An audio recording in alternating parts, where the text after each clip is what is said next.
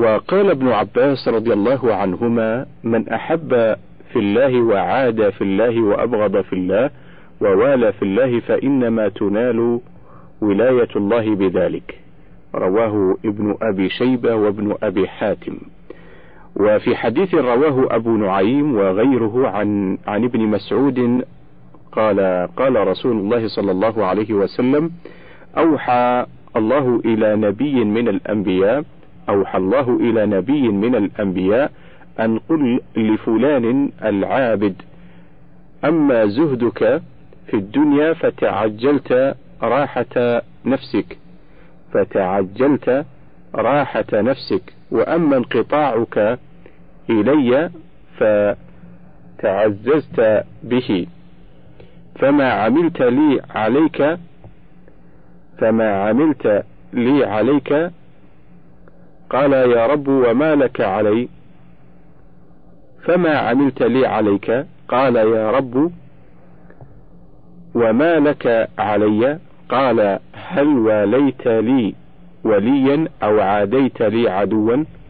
وقال تعالى والذين كفروا بعضهم أولياء بعض إلا تفعلوه تكن فتنة تكن فتنة في الدنيا إلا تفعلوه تكن فتنة في الأرض تكن فتنة في الأرض وفساد كبير. وقال تعالى والذين كفروا بعضهم أولياء بعض إلا تفعلوه تكن فتنة في الأرض وفساد كبير. فعقد تعالى الموالاة بين المؤمنين وقطعهم. فعقد تعالى الموالاة بين المؤمنين وقطعهم من ولاية الكافرين وأخبر أن الكفار بعضهم أولياء بعض وإن لم يفعلوا ذلك وقع فتنة وفساد كبير وكذا يقع. فهل يتم فهل يتم الدين فهل يتم الدين أو يقام علم الجهاد؟ وعلم الأمر بالمعروف والنهي عن المنكر إلا بالحب في الله والبغض في الله والمعاداة في الله والموالاة في الله.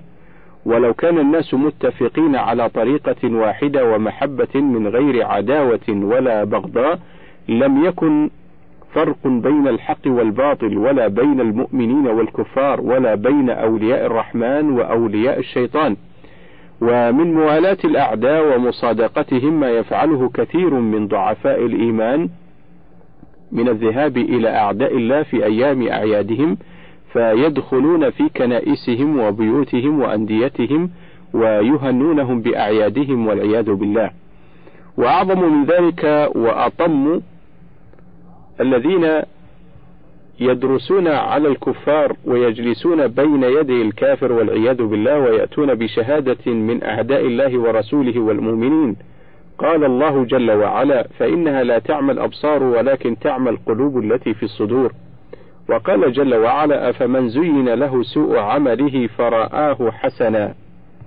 فيا أيها المعافى أكثر من حمد الله وشكره واسأله الثبات حتى الممات. وقد قيل في تفسير قوله تعالى والذين لا يشهدون الزور أن المراد أعياد المشركين وقال عمر رضي الله عنه إياكم ورطانة الأعاجم وأن تدخلوا على المشركين يوم عيدهم في كنائسهم. وقال رضي الله عنه اجتنبوا أعداء الله في عيدهم ومن الأعياد المحدثة التي لا يجوز للمسلم حضورها لأنها أعياد باطلة ما يسمى بعيد الاستقلال وعيد الجلاء وعيد الجلوس وعيد الثورة ونحو ذلك من أعياد الكفرة والمنافقين وأتباعهم. وقال الشيخ حمد بن عتيق رحمه الله ومن أعظم الواجبات على المؤمن محبة الله ومحبة ما يحبه من الأقوال والأعمال الظاهرة والباطنة وكذا ما يحبه من الأشخاص كالملائكة وصالح بني آدم وموالاتهم وبغض ما يبغضه الله من الأقوال والأعمال الظاهرة والباطنة وبغض من فعل ذلك فإذا رسخ هذا الأصل في قلب المؤمن لم يطمئن إلى عدو الله ولم يجالسه ولم يساكنه وساء نظره إليه. فلما ضعف هذا الأصل في قلوب كثير من الناس واضمحل صار كثير منهم مع أولياء الله كحالة كحاله مع أعداء الله يلقى كل منهم بوجه طلق وصارت بلاد الحرب كبلاد الإسلام ولم يخشى غضب الله الذي لا تطيق غضبه السماوات والأرض والجبال الراسيات. قلت فكيف لو رأى تدفق الكفرة على المسلمين وتدفق الشباب على بلاد الكفر؟ ولما عظمت الفتنة فتنة الدنيا وصارت أكبر همهم ومبلغ علمهم حملهم ذلك على التماسها وطلبها ولو بما يسخط الله فسافروا إلى أعداء الله في بلادهم وخالطوهم في أوطانهم ولبس عليهم الشيطان أمر دينهم فنسوا فنسوا عهد الله وميثاقه الذي أخذ عليهم. في مثل قوله تعالى وما آتاكم الرسول فخذوه وما نهاكم عنه فانتهوا. وقال تعالى لما ذكر حال المنافقين أولئك الذين يعلم الله ما في قلوبهم فأعرض عنهم وعظهم وقل لهم في أنفسهم قولا بليغا. قال بعض المفسرين أمر الله نبيه صلى الله عليه وسلم بالإعراض عن المنافقين وإغلاظ القول عليهم وألا يلقاهم بوجه طلق بل يكون وجهه مكفهرا عابسا متغيرا من الغيظ. فإذا كان هذا مع المنافقين والذين بين أظهر المسلمين يصلون معهم ويجاهدون معهم ويحجون فكيف بمن يسافر إلى المشركين وأقام بين أظهرهم أياما وليالي واستأذن عليهم في بيوتهم؟ وبدأهم بالسلام وأكثر لهم التحية وألان لهم الكلام وليس له عذر إلا طلب العاجلة وليس له عذر إلا طلب العاجلة ولم يجعل الله الدنيا عذرا لمن اعتذر بها. قال تعالى قل إن كانوا قل إن كان آباؤكم. الآية. وقال الشيخ سليمان بن سحمان رحمه الله والله حرم مكث من هو مسلم في كل أرض حلها الكفار ولهم بها حكم الولاية قاهر. فاربأ بنفسك فالمقام شنار. وانظر حديثا في البراءة قد أتى. نقل الثقات رواته الأخيار. فيه البراءة بالصراحة قد أتت. من مسلم وكذاك الآثار. قد صرحت في من أقام ببلدة قد صرحت في من أقام ببلدة مستوطنا وولاتها الكفار. وقال في آخر كلامه فالواجب على العاقل الناصح لنفسه النظر في أمره والفكر في ذنوبه ومجاهدة نفسه على التوبة النصوح والندم على ما فات والعزيمة على أن لا يعود والتبديل بالعمل الصالح وتقديم محبة الله على جميع المحاب وإيثار مرضاته على حظوظ النفس فإن كل شيء ضيعه ابن آدم ربما يكون له منه عوض. فإن من ضيع حظه من الله لم يكن له عوض. قلت وقد أحسن من قال من كل شيء إذا ضيعته عوض. وما من وما من الله وما من الله إن ضيعته عوض. وقد خاب من كان حظه من الله دنيا يحتلب درها والخاسر من خسر دينه. وإن أفاد في دنياه نسأل الله بأسمائه الحسنى أن يأخذ بنواصينا إليه وأن يلزمنا كلمة التقوى. وأن يجعلنا من أهلها وصلى الله على محمد وعلى آله وصحبه أجمعين. شعرا بكيت فما تبكي شباب صباك كفاك نذير الشيب فيك كفاك. ألم تر أن الشيب قد قام ناعيا مكان الشباب الغض ثم نعاك. ألم تر يوما مر إلا كأنه بإهلاكه للهالكين عناك ألا أيها الفاني وقد حان حينه أتطمع أن تبقى فلست هناك؟ ستمضي وتبقى ما تراه كما ترى فينساك من خلفته هو ذاك. تموت كما مات الذين نسيتهم وتنسى ويهوى الحي بعد هواك. كأنك قد أقصيت كأنك قد أقصيت بعد تقرب إليك وإن باك عليك بكاك كأن الذي يحثو عليك من الثرى يريد بما يحثو عليك رضاك كأن خطوب الدهر لم تجر ساعة عليك إذا الخطب الخلي إذا الخطب الجليل دهاك ترى الأرض كم فيها رهون كثيرة ترى الأرض كم فيها رهون كثيرة غلقن فلم يحصل لهن فكاكا اللهم إنا نسألك التوفيق للهداية والبعد عن أسباب الجهالة والغواية ونسألك الثبات على الإسلام والسنة وألا تزيق قلوبنا بعد إذ هديتنا بعد إذ هديتنا ونعوذ بك من مضلات الفتن ما ظهر منها وما بطن. ونسألك أن تنصر دينك وكتابك ورسولك وعبادك المؤمنين وأن تظهر دينك على الدين كله ولو كره الكافرون. والله أعلم وصلى الله على محمد. فصل. وقال ابن رجب رحمه الله تعالى ومن تمام محبة الله محبة ما يحبه وكراهة ما يكرهه فمن أحب شيئا مما كرهه الله أو كره شيئا مما يحبه الله لم يكمل توحيده وصدقه في قوله لا إله إلا الله وكان فيه من الشرك الخفي بحسب ما كرهه مما أحبه الله وما أحبه مما كره مما يكرهه الله. قال الله تعالى ذلك بأنهم اتبعوا ما أسخط الله وكرهوا. ذلك بأنهم اتبعوا ما أسخط الله وكرهوا رضوانه فأحبط أعمالهم. وقال الحسن اعلم أنك لن تحب الله حتى تحب طاعته. وقال بعضهم كل من ادعى محبة الله ولم يوافق الله في أمره فدعواه باطلة وقال يحيى بن معاذ ليس بصادق من ادعى محبة الله ولم يحفظ حدوده. وقال رويم المحبة الموافقة في جميع الأحوال وأنشد يقول ولو قلت لي مت مت سمعا وطاعة. وقلت لداعي الموت أهلا ومرحبا. ويشهد لهذا المعنى قوله تعالى قل إن كنتم تحبون الله فاتبعوني يحببكم الله وقال الحسن قال أصحاب رسول الله صلى الله عليه وسلم إنا نحب ربنا حبا شديدا فأحب الله أن يجعل لحبه علامة فأنزل هذه الآية.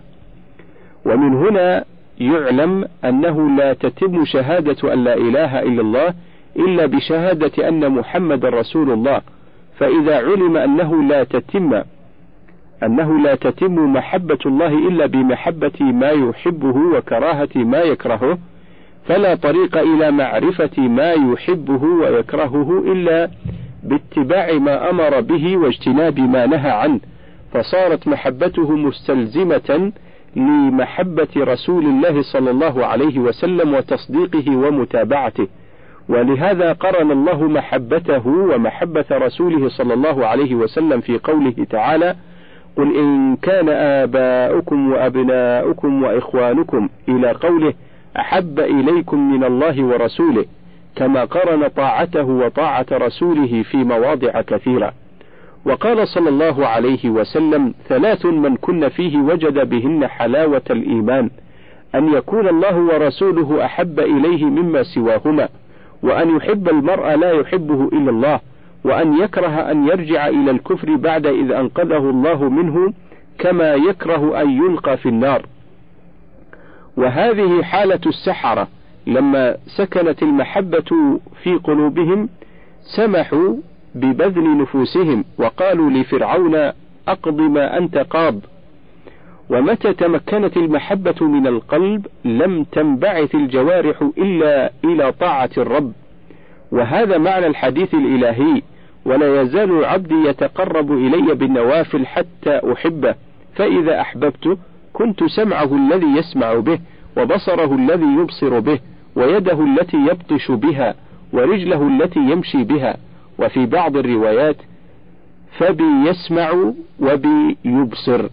والمعنى أن محبة الله إذا استغرق بها القلب واستولت عليه لم تنبعث الجوارح إلا إلى رضا الرب.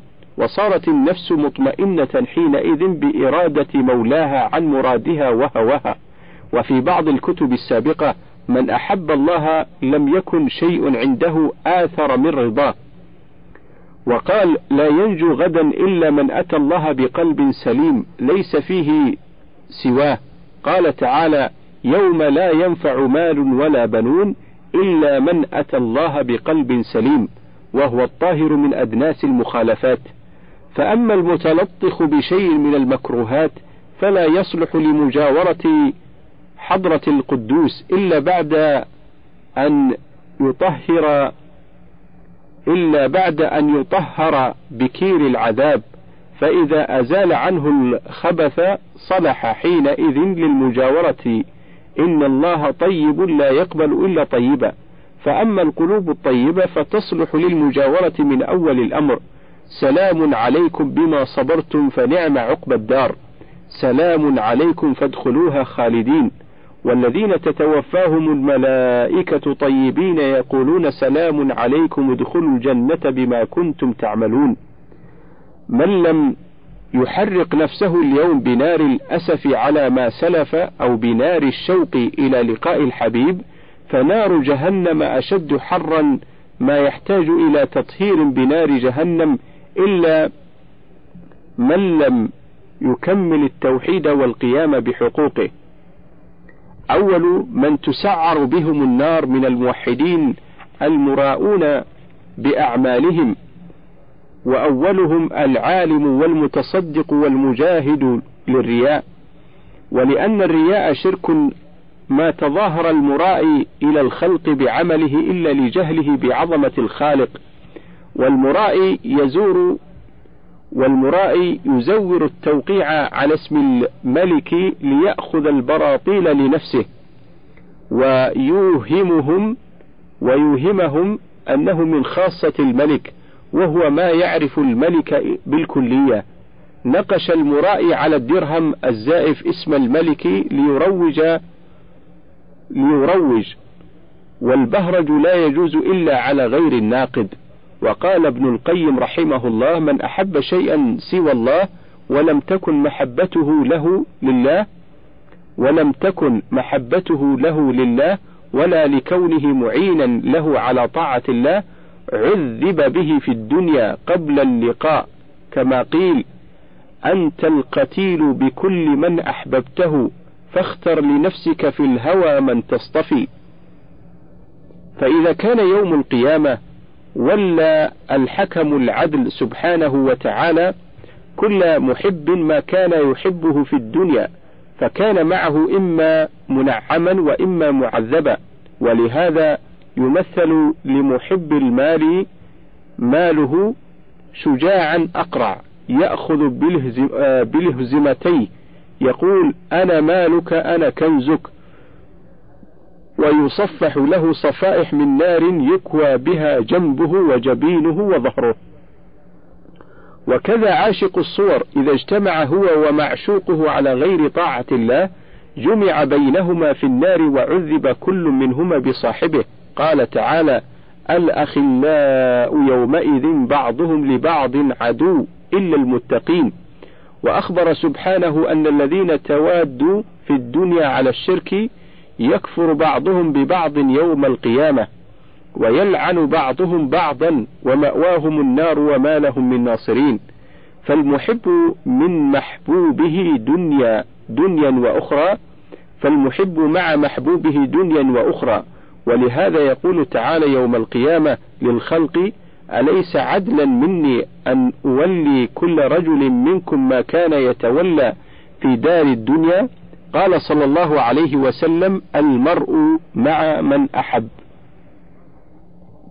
وقال تعالى ويوم يعض الظالم على يديه يقول يا ليتني اتخذت مع الرسول سبيلا. يا, لي يا ويلتى ليتني لم أتخذ فلانا خليلا. لقد أضلني عن الذكر بعد إذ جاءني وكان الشيطان للإنسان خذولا. وقال تعالى احشروا الذين ظلموا وأزواجهم وما كانوا يعبدون من دون الله إلى قوله ما لكم لا تناصرون. قال عمر بن الخطاب رضي الله عنه أزواجهم أشباههم ونظراؤهم. وقال تعالى وإذا النفوس زوجت فقرن كل شكل إلى شكله وجعل معه قرينا وزوجا. البر مع البر والفاجر مع الفاجر. والمقصود أن من أحب شيئا سوى الله فالضرر حاصل لهم بمحبوبه إن وجد وإن فقد فإنه إن فقده عذب بفواته. وتألم على قدر تعلق قلبه به وإن وجده كان ما يحصل له من الألم قبل حصوله ومن النكد في حال حصوله ومن الحسرة عليه بعد فواته أضعاف أضعاف ما في حصوله له من اللذة. أضعاف ما في حصوله له من اللذة. وهذا الأمر معلوم بالاستقراء والاعتبار والتجارب. ولهذا قال النبي صلى الله عليه وسلم في الحديث الذي رواه الترمذي وغيره الدنيا ملعونة ملعون ما فيها إلا ذكر الله وما والاه. فذكره جميع أنواع طاعته فكل من كان في طاعته فهو في ذكره وإن لم يتحرك لسانه بالذكر وكل من والاه الله فقد أحبه وقربه فاللعنة لا تنال ذلك بوجه وهي نائلة كل ما عداه. اللهم ارزقنا العافية في أبداننا والعصمة في ديننا وأحسن منقلبنا ووفقنا للعمل بطاعتك. أبدا ما أبقيتنا ووفقنا للعمل بطاعتك أبدا ما أبقيتنا. واجمع لنا بين خيري الدنيا والآخرة واغفر لنا ولوالدينا ولجميع المسلمين الأحياء منهم والميتين برحمتك يا أرحم الراحمين. وصلى الله على محمد وعلى آله وصحبه أجمعين. فصل.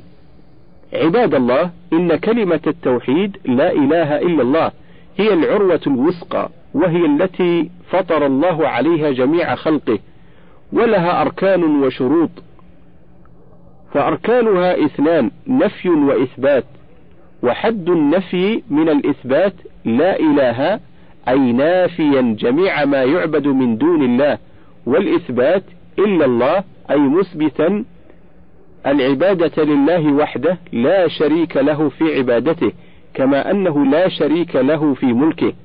وأما شروطها فسبعة لا تصح هذه الكلمة ولا تنفع قائلها إلا إذا استجمعت له الشروط التي تلي. الأول العلم. بمعناها نفيا وإثباتا. قال الله تعالى لنبيه صلى الله عليه وسلم فاعلم أنه لا إله إلا الله. وقال إلا من شهد بالحق وهم يعلمون. وقال صلى الله عليه وسلم من مات وهو يعلم أن لا إله إلا الله دخل الجنة. الثاني اليقين أي استيقان القلب بها. قال الله تعالى إنما المؤمنون الذين آمنوا بالله ورسوله ثم لم يرتابوا إلى قوله أولئك هم الصادقون. وقال صلى الله عليه وسلم أشهد أن لا إله إلا الله وأني رسول الله. لا يلقى الله بهما عبد غير شاك فيهما إلا دخل الجنة. وقال صلى الله عليه وسلم لأبي هريرة من لقيت وراء هذا الحائط يشهد أن لا إله إلا الله مستيقنا بها قلبه فبشره بالجنة. كلاهما في الصحيح. الثالث الإخلاص. قال الله تعالى وما أمروا إلا ليعبدوا الله مخلصين له الدين. وقال ألا لله الدين الخالص. وعن أبي هريرة رضي الله عنه قال قلت يا رسول الله من أسعد الناس بشفاعتك يوم القيامة. فقال رسول الله صلى الله عليه وسلم لقد ظننت يا أبا هريرة ألا يسألني عن هذا الحديث ألا يسألني عن هذا الحديث أحد أولى منك لما رأيت من حرصك على الحديث. أسعد الناس بشفاعتي يوم القيامة من قام من قال لا إله إلا الله خالصا من قلبه أو نفسه. وعن أبي هريرة رضي الله عنه قال سمعت رسول الله صلى الله عليه وسلم يقول قال الله تعالى أنا أغنى الشركاء عن الشرك من عمل عملا أشرك فيه معي غيري تركته وشركه. رواه مسلم. الرابع. الصدق. قال الله تعالى والذي جاء بالصدق وصدق به أولئك هم المتقون. عن ابن عباس قال من جاء بلا إله إلا الله وقال فلا يعلمن الله الذين صدقوا ولا يعلمن الكاذبين. وقال صلى الله عليه وسلم ما من أحد يشهد أن لا إله إلا الله وأن محمدا رسول الله صدقا من قلبه إلا حرمه الله على النار. متفق عليه. وتقدم قوله صلى الله عليه وسلم يشهد أن لا إله إلا الله مستيقنا بها قلبه الحديث رواه مسلم. وقال صلى الله عليه وسلم للأعرابي الذي علمه شرائع الإسلام أفلح إن صدق. الخامس المحبة. قال الله تعالى فسوف يأتي الله بقوم يحبهم ويحبونه. وقال صلى الله عليه وسلم ثلاث من كن فيه وجد بهن حلاوة الإيمان أن يكون الله ورسوله أحب إليه مما سواهما وأن يحب المرء لا يحبه إلا لله. الحديث متفق عليه. وقال صلى الله عليه وسلم لا يؤمن أحدكم حتى أكون أحب إليه من ولده من والده وولده والناس أجمعين. متفق عليه. السادس الانقياد لها ظاهرا وباطنا. قال الله تعالى ومن يسلم وجهه إلى الله وهو محسن فقد, فقد استمسك بالعروة الوثقى. وقال تعالى وأنيبوا إلى ربكم وأسلموا له. وقال صلى الله عليه وسلم لا يؤمن أحدكم حتى يكون هواه تبعا لما جئت به. السابع القبول لها. وقد جمع بعضهم شروط لا إله إلا الله في بيت فقال علم يقين وإخلاص وصدقك مع محبة وانقياد والقبول لها. فلا يرد فلا يرد شيئا من لوازمها ومقتضياتها. قال تعالى وعجبوا أن جاءهم منذر منهم وقال الكافرون هذا ساحر كذاب. إلى قوله بل لما يذوقوا عذاب. وقال أيضا في حق من لم يقبلها احشروا الذين ظلموا وأزواجهم وما كانوا يعبدون إلى قوله إنهم كانوا إذا قيل لهم لا إله إلا الله يستكبرون ويقولون أئنا لتاركوا آلهتنا لشاعر مجنون. وعن أبي موسى رضي الله عنه قال قال النبي صلى الله عليه وسلم مثل ما بعثني الله به من الهدى والعلم. كمثل غيث أصاب أرضا فكانت منها طائفة قبلت الماء فأنبتت الكلأ والعشب الكثير وكان منها أجادب أمسكت الماء فنفع الله بها الناس فشربوا منها وسقوا وزرعوا وأصاب طائفة منها أخرى وأصاب طائفة منها أخرى إنما هي قيعان لا تمسك ماء ولا تنبت كلأ. فذلك مثل من فقه في دين الله ونفعه مما ونفعه ما بعثني الله به فعلم وعلم. فعلم وعلم. ومثل من لم يرفع بذلك رأسا ولم يقبل هدى الله الذي أرسلت به. متفق عليه. وقد شهد الله لنفسه بالوحدانية في قوله تعالى شهد الله أنه لا إله إلا هو والملائكة وأولو العلم قائما بالقسط لا إله إلا هو العزيز الحكيم. فقد تضمنت هذه الآية الكريمة حقيقة التوحيد والرد على جميع والرد على جميع طوائف الضلال. فقد تضمنت هذه الآية الكريمة حقيقة التوحيد والرد على جميع طوائف الضلال.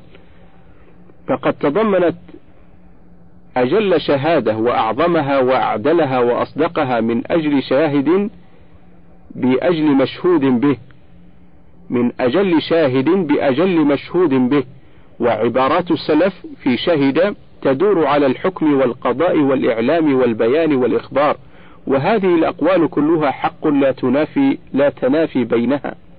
فإن الشهادة تتضمن كلام الشاهد وخبره وتتضمن إعلامه وإخباره وبيانه فلها أربع مراتب. فأول مراتبها علم ومعرفة واعتقاد لصحة المشهود به وثبوته. وثانيها تكلمه بذلك وإن لم يعلم به غيره بل يتكلم بها مع نفسه ويتذكرها وينطق بها أو يكتبها. وثالثها أن يعلم غيره بما يشهد به ويخبره به ويبينه له ورابعها أن يلزمه أن يلزمه بمضمونه بمضمونها ويأمره بها ويأمره به. فشهادة الله سبحانه لنفسه بالوحدانية والقيام بالقسط تضمنت هذه المراتب الأربعة. علمه بذلك وتكلمه وإخباره لخلقه وأمرهم وإلزامهم به. فأما مرتبة العلم فإن الشهادة تتضمنها ضرورة وإلا كان الشاهد شاهدا بما لا علم له به. قال الله تعالى إلا من شهد بالحق وهم يعلمون. وقال صلى الله عليه وسلم على مثلها فاشهد وأشار إلى الشمس. وأما مرتبة التكلم والخبر فقال تعالى وجعلوا الملائكة الذين هم عباد الرحمن إناثا وجعلوا الملائكة الذين هم عباد الرحمن إناثا أشهدوا خلقهم ستكتب شهادتهم ويسألون. فجعل ذلك منهم شهادة وإن لم يتلفظوا بلفظ الشهادة ولم يؤدوها عند غيرهم عند غيرهم. وأما مرتبة الإعلام والإخبار فنوعان إعلام بالقول وإعلام بالفعل. وهذا شأن كل معلم لغيره بأمر. تارة يعلمه به بقول وتارة بفعل. ولهذا كان من جعل داره مسجدا وأبرزها وفتح طريقها وأذن للناس بالدخول والصلاة فيها معلما أي وقف معلما أنها وقف أنها وقف وإن لم يتلفظ. وكذا شهادة الرب عز وجل وبيانه وإعلامه يكون بقوله تارة وبفعله أخرى فالقول ما أرسل به رسله وأنزل به كتبه. وأما بيانه وإعلامه بفعله فكما قال ابن كيسان شهد الله بتدبيره العجيب وأموره المحكمة عند خلقه أن لا إله إلا هو وقال الآخر وفي كل شيء له آية تدل على أنه الواحد. وقال آخر له كل ذرات الوجود شواهد على أنه الباري الإله المصور. وقال آخر تأمل سطور الكائنات فإنها من الملك الأعلى إليك رسائل. وقد كان فيها لو تأملت خطها ألا كل شيء ما خلا الله باطل. ومما يدل على أن الشهادة تكون بالفعل قوله تعالى ما كان للمشركين أن يعمروا مساجد الله شاهدين على أنفسهم بالكفر فهذه شهادة منهم على أنفسهم بما يفعلونه وأما مرتبة الأمر بذلك والإلزام به فإن إن مجرد الشهادة فإن مجرد الشهادة لا يستلزمه. لا يستلزمه لكن الشهادة في هذا الموضع تدل عليه وتتضمنه. فإنه سبحانه شهد به شهادة من حكم به وقضى وأمر وألزم عباده. كما قال تعالى وقضى ربك ألا تعبدوا إلا إياه وبالوالدين إحسانا وقال وما أمروا إلا ليعبدوا إلها واحدا والقرآن كله شاهد بذلك.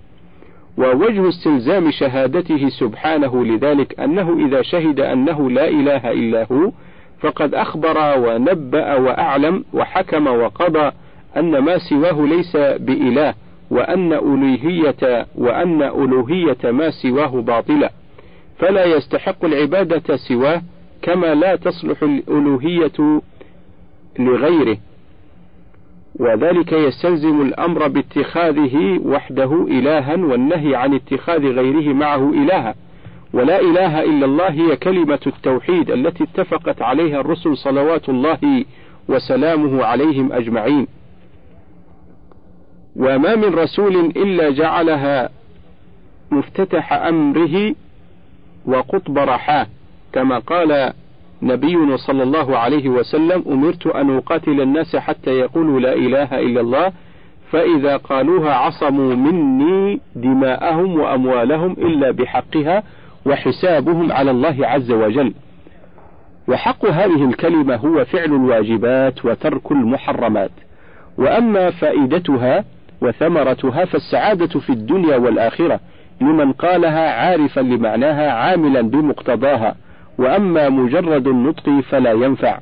قال شيخ الإسلام من اعتقد أنه بمجرد تلفظه بالشهادة يدخل الجنة ولا يدخل النار فهو ضال مخالف للكتاب والسنة والإجماع. انتهى. اللهم ألحقنا بعبادك الصالحين الأبرار وآتنا في الدنيا حسنة وفي الآخرة حسنة وقنا عذاب النار. واغفر لنا ولوالدينا ولجميع المسلمين الأحياء منهم والميتين برحمتك يا أرحم الراحمين وصلى الله على سيدنا محمد وعلى آله وصحبه أجمعين. موعظة. عباد الله إن لكلمة التوحيد فضائل عظيمة لا يمكن استقصاؤها منها أنها لا يمكن استقصاؤها منها أنها كلمة الإسلام وأنها مفتاح دار السلام. فيا ذوي العقول الصحاح ويا ذوي البصائر والفلاح جددوا إيمانكم في المساء والصباح بقول لا إله إلا الله من أعماق قلوبكم متأملين لمعناها عاملين بمقتضاها. عباد الله ما قامت السماوات والأرض ولا صحت السنة والفرض ولا نجا أحد يوم العرض إلا بلا إله إلا الله ولا جردت سيوف الجهاد ولا أرسلت الرسل إلى العباد إلا ليعلموهم العمل بلا إله إلا الله. تالله إنها كلمة الحق ودعوة الحق وأنها براءة من الشرك ونجاة هذا الأمر ونجاة هذا الأمر ولأجلها خلق الله الخلق كما قال تعالى وما أرسلنا من رسول إلا نوحي إليه أنه لا إله إلا أنا فاعبدون وقال تعالى ينزل الملائكة بالروح من أمره على من يشاء من عباده أن أنذروا أنه لا إله إلا أنا فاتقون.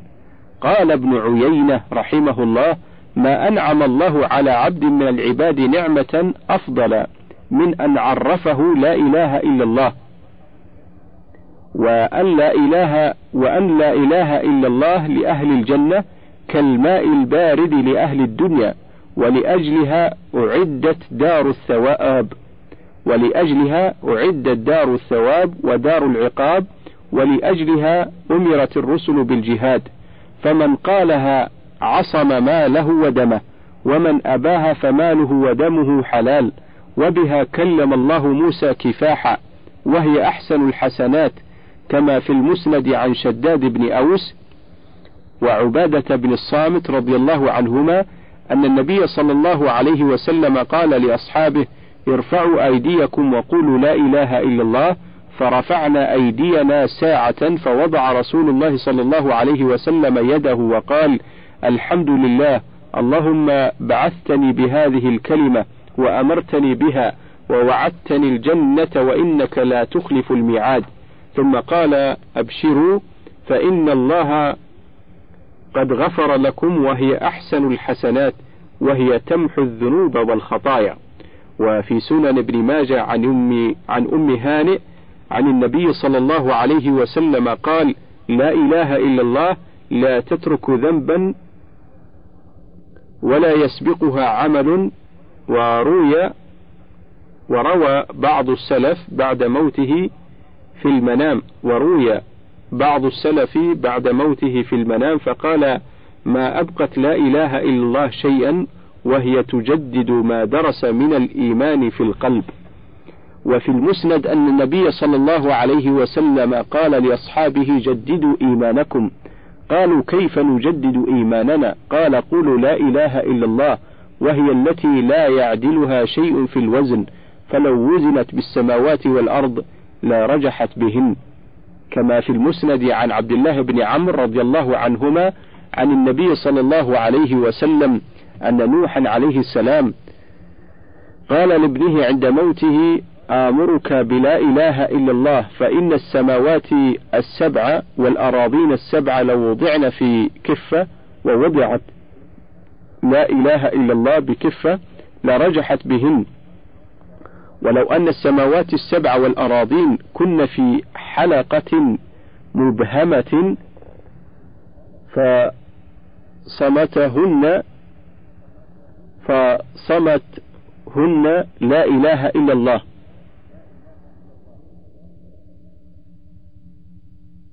وإنها ترجح بالسماوات والأرض كما في حديث عبد الله بن عمرو رضي الله عنه أن أن موسى عليه السلام قال يا ربي علمني شيئا أذكرك وأدعوك به. قال يا موسى قل لا إله إلا الله. قال موسى يا ربي كل عبادك يقولون هذا. قال يا موسى قل لا إله إلا الله. قال لا إله إلا الله إنما أريد شيئا تخصني به. قال يا موسى لو أن السماوات السبع والأراضين السبع وعامرهن غيري في كفة ولا إله إلا الله في كفة مالت بهن لا إله إلا الله.